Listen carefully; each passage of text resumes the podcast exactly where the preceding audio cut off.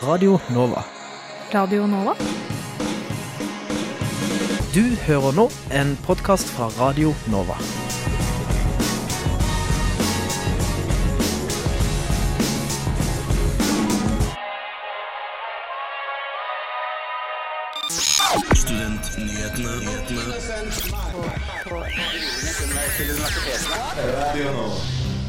Hvem har fått Nobels fredspris? Du får svaret direkte her i Studentnyhetene. I går var det verdensdagen for psykisk helse, og Oslo OsloMet serverte gratis lunsj til studentene. Fagutvalget for influensere innfører strengere regler på, for påvirkeres markedsføring. Vi blir kjent med listene i studentparlamentet på UiO. Endelig. Hva mener Facebook-kommentarfeltet om statsbudsjettet? Vi gir deg svaret. Hva betyr statsbudsjettet for deg?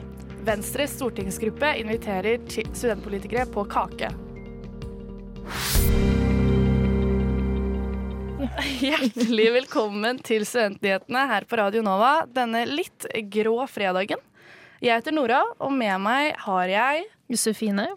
Hei sann. Hei, hei. Vi har masse gøy som du skal få høre om i dag, så det er egentlig bare å sette i gang.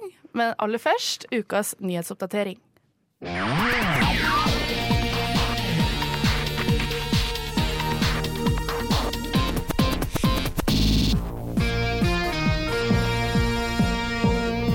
KrF skal etablere en støtteordning for studenter med barn. Ifølge Universitas sier Hans Fredrik Grøvan fra KrF i utdannings- og forskningskomiteen at dette vil være en ordning for studenter som enten får barn opptil syv måneder eller etter fullført grad, eller like før de avlegger en grad.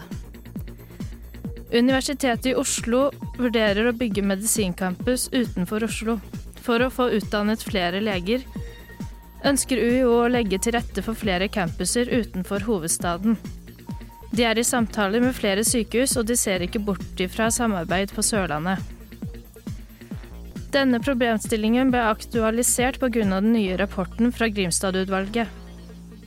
I rapporten anbefaler utvalget 440 nye studieplasser innenfor medisin i Norge. UiO-rektor Svein Stølen utelukker ikke mulighet mulig samarbeid med andre steder enn Oslo om medisinutdanningen, ifølge Krono.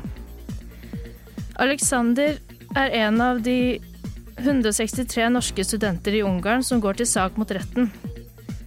Siden januar 2018 har over 500 personer søkt om autorisasjon som psykolog i Norge etter studier i andre land. Alexander Lundgren, som fikk avslag sammen med og sammen med 162 medstudenter har møtt staten i retten. Og på mandag blir det rettssak. Det melder Krono. Og det var ukens nyhetsoppdatering med Josefine Marie Petersen.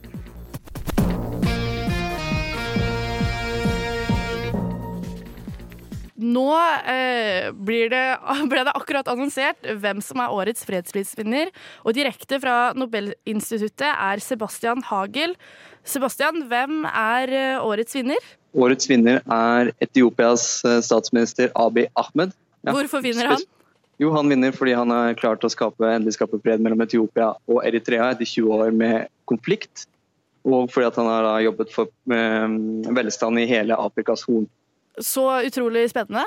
Ahmed har vært en eh, kontroversiell kandidat, bl.a. grunnet mye intern etnisk vold. Har Nobelkomiteen sagt om dette, Sebastian? Nobelkomiteen har ikke for øyeblikket nevnt dette, så vidt jeg har uh, hørt her. Jeg har hatt litt sånn uh, halvt øre til det her. Men uh, nå, Den prater ennå her, men jeg skal nå dere. Men så langt har det ikke blitt adressert i den åpnings, åpningen her. Tusen takk til deg, Sebastian, fra Opplysningen. I går var det verdensdagen for psykisk helse, og temaet i år er Gi tid.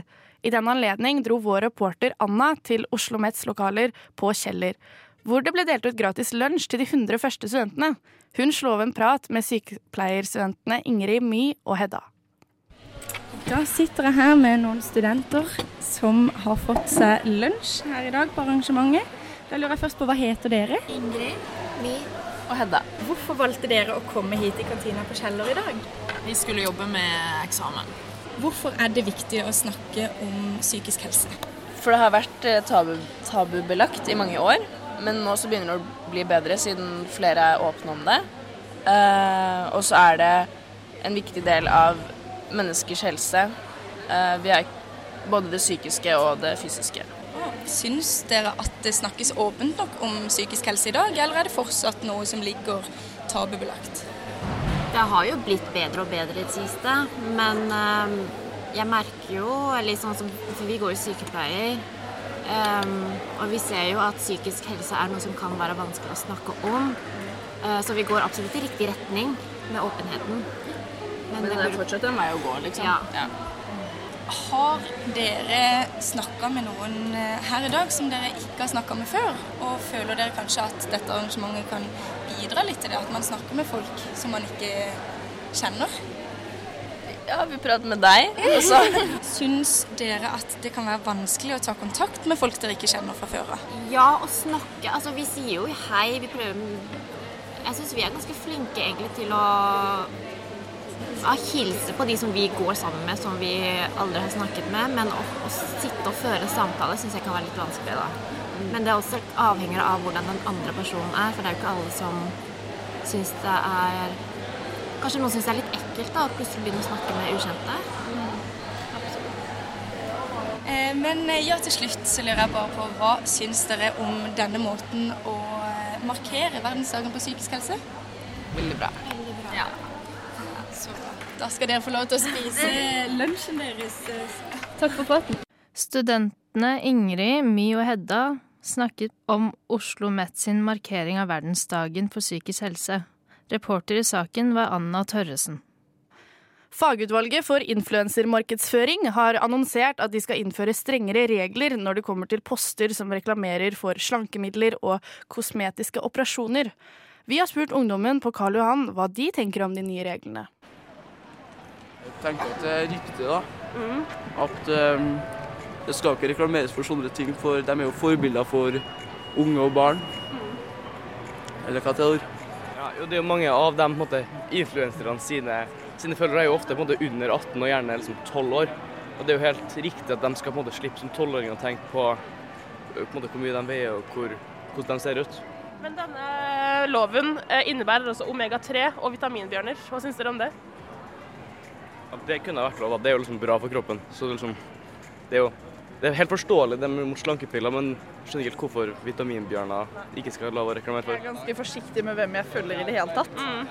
Men eh, det høres jo helt fjernt ut å markedsføre for, egentlig. Men jeg har helt ærlig ikke fått inntrykk at det er så mye av det. Nei. Det, skal jo, som jeg det er jo både sånne ting som vitaminbjørner og til og med omega-3 som skal ikke være lov å reklamere for lenger. Hva tenker du om det? Ikke omega-3, Nei. men det er jo kjempesunt, da, er det ikke? vet. Jo, det er akkurat det. Men det handler om eh, endring av kropps- og slanke og sunnhet og sånne ting. Ja, det er vel kanskje vanskelig å se hvor den skillelinja går. Disse reglene ble innført 1.10. Har du merket noe forskjell på Instagram fra før og etter? Nei. Nei. Et annet spørsmål er jo eh, Fagutvalget for influensermarkedsføring har jo ikke noe reell makt over forbrukerne eller influenserne. Nei. Så den eneste måten de kan straffe influenserne på, er jo ved uthenging. Hva syns du om det? Oi. Ja, det er jo ikke veldig hyggelig, da. Jeg føler at det fjerner litt også, eller at man må ha et eh, en sjanse til å forbedre seg. Mm, fordi det er null eh, mercy. Det er rett på, ut på nettsiden med, med fullt navn og bilde om at de har gjort en grov feil, liksom. Ja, da håper jeg jo iallfall det er rom for å fjerne det og få en em, unnskyldning eller noe hvis man eh, retter opp, da. For man kan jo gjøre feil, og det må jo alltid være lov og potensial for å lære mer og lære nye ting. Og ikke slutte med det. Og hvis man blir hengt ut med en gang, så kan det fort føre til litt mer aggresjon, tenker jeg. Og at man blir litt mer fiendtlig. Ja. Istedenfor å legge seg flatt, som kanskje kunne vært en annen løsning. Det var Anna Shona Øvrevik og Johanne Austdal som intervjuet de unge på Karl Johan. Hvem er egentlig i studentparlamentet ved Universitetet i Oslo, og hva i all verden er det de gjør? I vår helt nye serie skal du få den beste oversikten over hva de ulike listene på UiO står for, og hva de holder på med. Vår førstemann ut er leder for Grønn liste, Aksel Klanderud.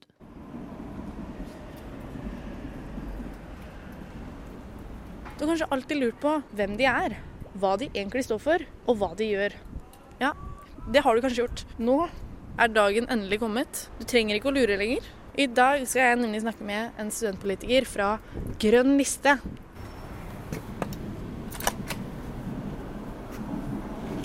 Hei, Aksel Klanderud. Tusen takk. Hei og velkommen Takk, til eh, deg.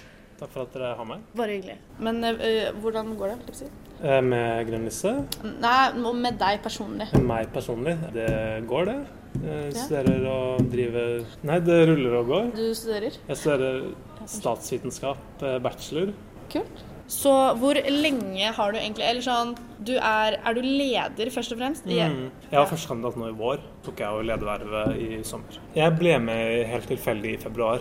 Så, du er så ny? Ja, ja. Oh. Jeg så en random tilfeldig Facebook-post at de trengte flere folk til å stille liste. Eh, Og så, så har ballen egentlig bare begynt å rulle litt, og så ble det litt mer ansvar enn jeg trodde kanskje i starten, men jeg trives med det. Ja, du gjør det? Mm. Fordi hva er det på en måte som du syns er det gøyeste med å være med? Det er veldig gøy om vi faktisk får til noe ordentlig gjennomslag her etter hvert. da. Eh, Det er gøy. Det er jo et veldig hyggelig miljø. eh, Uavhengig av hvilken liste man står på, så er det ja, mye respekt eh, for hverandre og for at man er en student og at man driver med det på fritiden. da.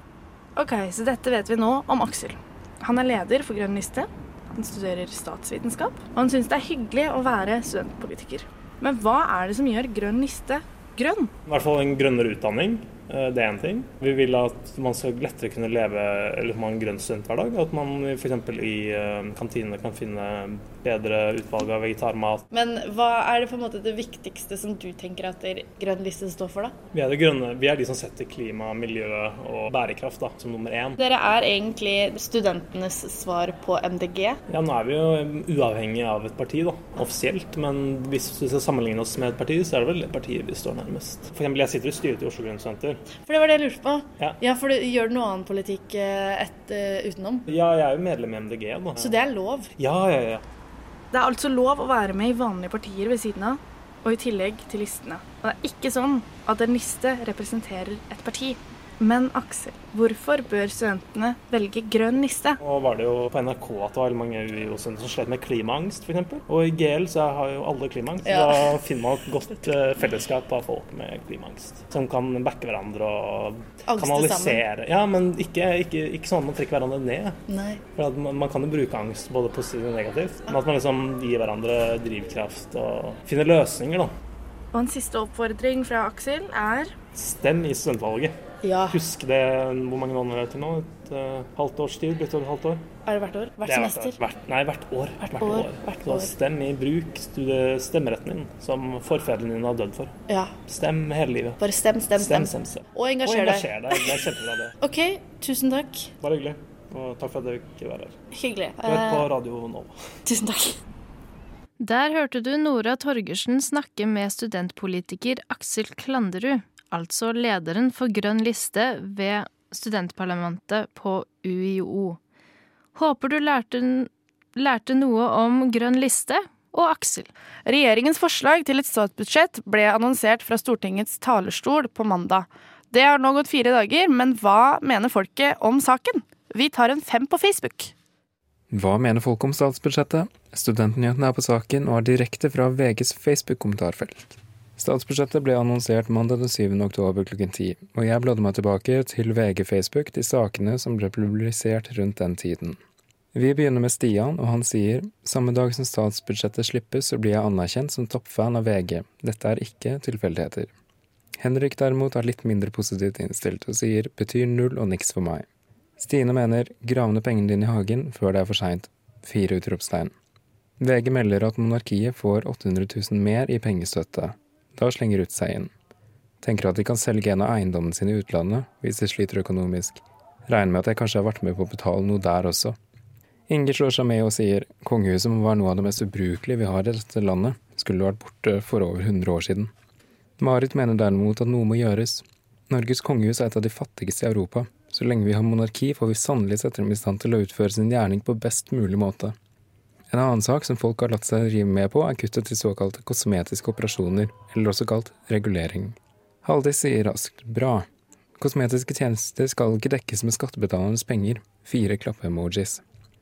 Sveinung sier hvis dette kuttet på 100 millioner ikke skal gå til tannregulering, så håper jeg det brukes i hjernekirurgi til de som har kommet med dette forslaget. Olga oppsummerer og sier bare at kosmetisk eller ikke, det er veldig dyrt. Stort smilefjes. Under saken 'Dette betyr statsbudsjettet for din lommebok' skriver Sissel at hun er glad for at hun er skandinavisk og ikke norsk. Le-emoji. Vigdis har et litt annet syn. Jeg vil heller betale eiendomsskatt og gebyr på netthandel enn å se på at barn ikke har fått de brillene eller tannreguleringen de trenger. Asbjørn sier handler aldri på nettet. Handler det man skal i nærbutikken eller butikken her hjemme i Norge, det er det som er tingen. Antonio avrunder retorisk. Hvem sa vi lever i verdens beste land? For å oppsummere, det er mange ulike meninger om statsbudsjettet, noe fem på Facebook har vist. Martin mener sitaten nei, og Helen sier glad jeg bor nærme Sverige, da. Med andre ord, folket er delt. Der fikk du høre ivrige Facebook-kommentatorers tanker rundt statsbudsjettet. Reporter i saken var Stig Gøran Skogvang. Vi har sett på hva statsbudsjettet kan bety for deg. Her kommer syv punkter. Opptrappingen til elleve måneders studiestøtte fullføres. Vil si våren 2020 så skal vi få studiestøtte hele juni måneden. Dette budsjettforslaget gir da også tilskudd til 2200 nye studentboliger. Det blir dyrere øl. Alkoholavgiften økes med 2% både for øl, sprit og vin. I praksis vil det koste i underkant av 1 krone mer per liter med alkohol. Tobakksavgiften vil også økes, med da 1,9% Dette gjelder alle tobakksvarer. 100 gram snus vil koste 2 kroner mer enn vanlig, og 100 gram rulletobakk vil bli 5 kroner dyrere fra og med neste år. Sukkeravgiften prisjusteres med 1,9% dvs. Si at det vil da bli dyrere å kjøpe godteri til lørdagskvelden. Netthandelen blir dyrere for varer under 350 kroner, og det vil bli dyrere legebesøk. Så i 2020 må du betale 91 kroner mer til lege, før da frikortet slår inn. Håper du nå er litt bedre opplyst om hva du kan få ut av statsbudsjettet. Reporter var Josefine Petersen. Forsknings- og høyere utdanningsminister Iselin Nybø og Venstre inviterte studentpolitikere til Stortinget for å feire fullføringen av elleve måneders studiestøtte, og vi ble med på feiringen. Hjertelig velkommen til Stortinget og til Kakefest. Vi har uh, veldig mange som faktisk har jobba med det her over lang tid, som er til stede. Uh, Terje Breivik er jo parlamentarisk leder og var tidligere finanspolitiker og jobba for det her i statsbudsjettene. Abid sitter nå i finanskomiteen. Uh, Trine Skei Grande, som er leder av Venstre og som har vært veldig engasjert i det her lenge. Og Iselin Nybø, som nå er statsråd med ansvar for dette feltet. Ja, kjære alle studenter. Kjære Marte på vegne av alle landets studenter. og selvfølgelig òg ansatt på vegne av alle utenlandske norske studenter. Eh, dette er en kamp som vi har stått sammen om eh, i mange år. Eh, dere vet at det har vært en vei for å komme her til. Dere har kjempa for å komme her som er i dag, og dere har gjort det ikke på vegne av dere sjøl, men på vegne av alle de som er studenter i dag, og som skal bli studenter i framtida. På, på, vegne av framtida til dette landet. Men denne kampen her, det er en kamp som har virkelig vært verdt å kjempe. Og dere skal ikke la noen få bagatellisere den seieren som vi feirer i dag. Ingen har lov til å bagatellisere den jobben som tusenvis av studenter har gjort i årevis. Da snakker vi med Anna Frod fra ANSA. Hva syns du om det nye budsjettet? Altså Nå får vi endelig innført den siste uken av 11 måneders studiestøtte. og Det er jo en fantastisk nyhet for absolutt alle studenter i Norge og i utlandet, som vi representerer. Vi i utlandet har jo heller ikke mulighet til å jobbe ved siden av studiene, for da mister vi eh, plassen vår i folketrygden. Og Derfor er det veldig veldig viktig at en studiestøtte er i en sånn skala at det er mulig å leve på den uten at uh, man må få hjelp hjemmefra, da. Som dessverre det er mange som må per dags dato. Men vi mener jo heller ikke at vi er ferdige, så vi uh, har jo som mål at eh, studiestøtten skal økes og knyttes til 1,5 ganger grunnbeløpet i folketrygden. Eh, og I tillegg er det også viktig å se på omgjøringen til stipend av skolepenger for oss utenlandsstudenter.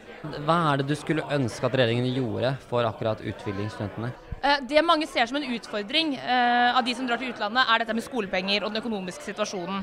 Og man får jo potensielt veldig høye lån dersom man tar opp skolepenger. Og et veldig viktig tiltak for oss i ANSA er eh, dette med å øke stipendandelen for bachelorstudenter. For per nå så er den lavere enn for masterstudenter. Så hvis vi får den opp på samme nivå der, så er det i hvert fall en veldig, veldig god start. Så det håper jo vi, det kommer vi til å jobbe for fremover. Da snakker vi med Viktor Jensen fra Organisasjon for norske fagskolestudenter. Hva syns du om det nye budsjettet? Jeg syns det er veldig bra. Det er en eh, satsing på flere eh, studieplasser i fagskolen. Men jeg savner allikevel eh, enda flere, med tanke på det behovet som er etter høyere yrkesfaglig utdanning. Derfor vil vi i ONF etterlyser en opptrappingsplan som sikrer flere studieplasser over tid, og gir forutsigbarhet for institusjonene til å sikre kvaliteten og arbeidsrelevansen. Da står vi her med Marte Øyen, leder for NSO, Norsk studentorganisasjon. Hva syns du om det nye budsjettet? Neste års budsjett er eh, et veldig veldig godt budsjett for eh, norske studenter. Endelig så får vi 11 måneder studiestøtte, som gjør at vi får eh, lån og stipend i alle månedene vi studerer, som er kjempeviktig. I tillegg så har regjeringen fortsatt en offensiv satsing på studentboliger. Så med dagens situasjon så er vi også veldig fornøyd med antallet studentboliger som vi får. Men vi skulle selvfølgelig gjerne sett at regjeringen også kom med en del tiltak, slik at det på sikt kan bygges enda flere studentboliger enn det det gjøres nå. Eh, og så får vi i tillegg en eh, ny levekårsundersøkelse for eh, studenter. Den forrige kom i 2010, så det at den endelig kommer, det er på høy tid. Da har vi en mulighet til å kartlegge hvordan norske studenter faktisk har det, slik at man kan sette inn riktige tiltak for å bedre levekårene til studentene fremover. Eh, Hvis det var en, noe du skulle ønske de kunne endre, hva ville du hatt mer av i budsjettet? Hvis det er noe som skulle endres, så ville det vært at vi så en økning på studiestøtten i størrelse og ikke bare i omfang. Vi har blitt invitert til kaka i dag. Har vi noe å feire? Ja, vi har absolutt noe å feire. Det er utrolig hyggelig å bli invitert til å feire dette. Det er en stor seier for eh, norske studenter. Det var altså Marte Øyen, leder i Norsk studentorganisasjon, som feiret seieren med kake. Men hva mener hovedpersonen selv om feiringen, nemlig høyere utdanningsminister Iselin Nybø? Eh, Regjeringen har invitert til kake. Hvorfor det? Nei, Det er jo for å feire at eh, nå får vi den siste uka på plass. Nå er det elleve måneders studiestøtte til studentene, og det er en viktig milepæl, en viktig seier. Både for regjeringen, men ikke minst for de tusenvis av studentene som har kjempa for dette i mange år. Eh, dere avskaffer også trappetrinnsmodellen for studiestøtte. Hva er grunnen til det? Det er, det er jo det er jo for å gjøre det enklere for de som ikke skal studere heltid, å få støtte for det de studerer. Eh, en av de gruppene som ikke gjelder voksne folk, men som vi vet har problemer med å studere heltid, det er jo toppidrettsutøvere. Eh, og nå gjør vi det lettere for de, for nå vil de òg hvis de studerer under 50% kunne få støtte i Lånekassen for det de faktisk studerer. Og da har de et inngrep òg i, altså i studielivet, selv om de er toppidrettsutøvere. For vi vet jo at de aller fleste av de må få seg en utdanning og en jobb etter de er ferdig med idrettskarrieren sin. Og da er det viktig å tenke på studier allerede mens de er toppidrettsutøvere. Og de som fikk servert kake på Stortinget, var reporter Helene Wilhelmsen og Ingar Jakob Feirings. Og med det så altså, takker vi for eh, denne gang, og tusen takk for at du hørte på Studentnyhetene her på Radio Nova. Vi eh, ønsker deg en eh, god helg og fin dag videre. I, stu I studio har jeg Josefine Petersen vært. Ja, det har du. Og jeg, Nora Torgersen, har også vært her. Tekniker i studio var Sander Zakaria. Og eh, følg oss gjerne på sosiale medier, og hør podkasten vår igjen og igjen, hvis du vil, på eh, der du finner podkast. Og så fortsett å høre på Radio Nova, for etter oss kommer radiotjenesten. Takk for nå, og god helg. Du har hørt en podkast fra Radio Nova. Likte du det du hørte? Du finner flere podkaster i iTunes og på våre hjemmesider radionova.no.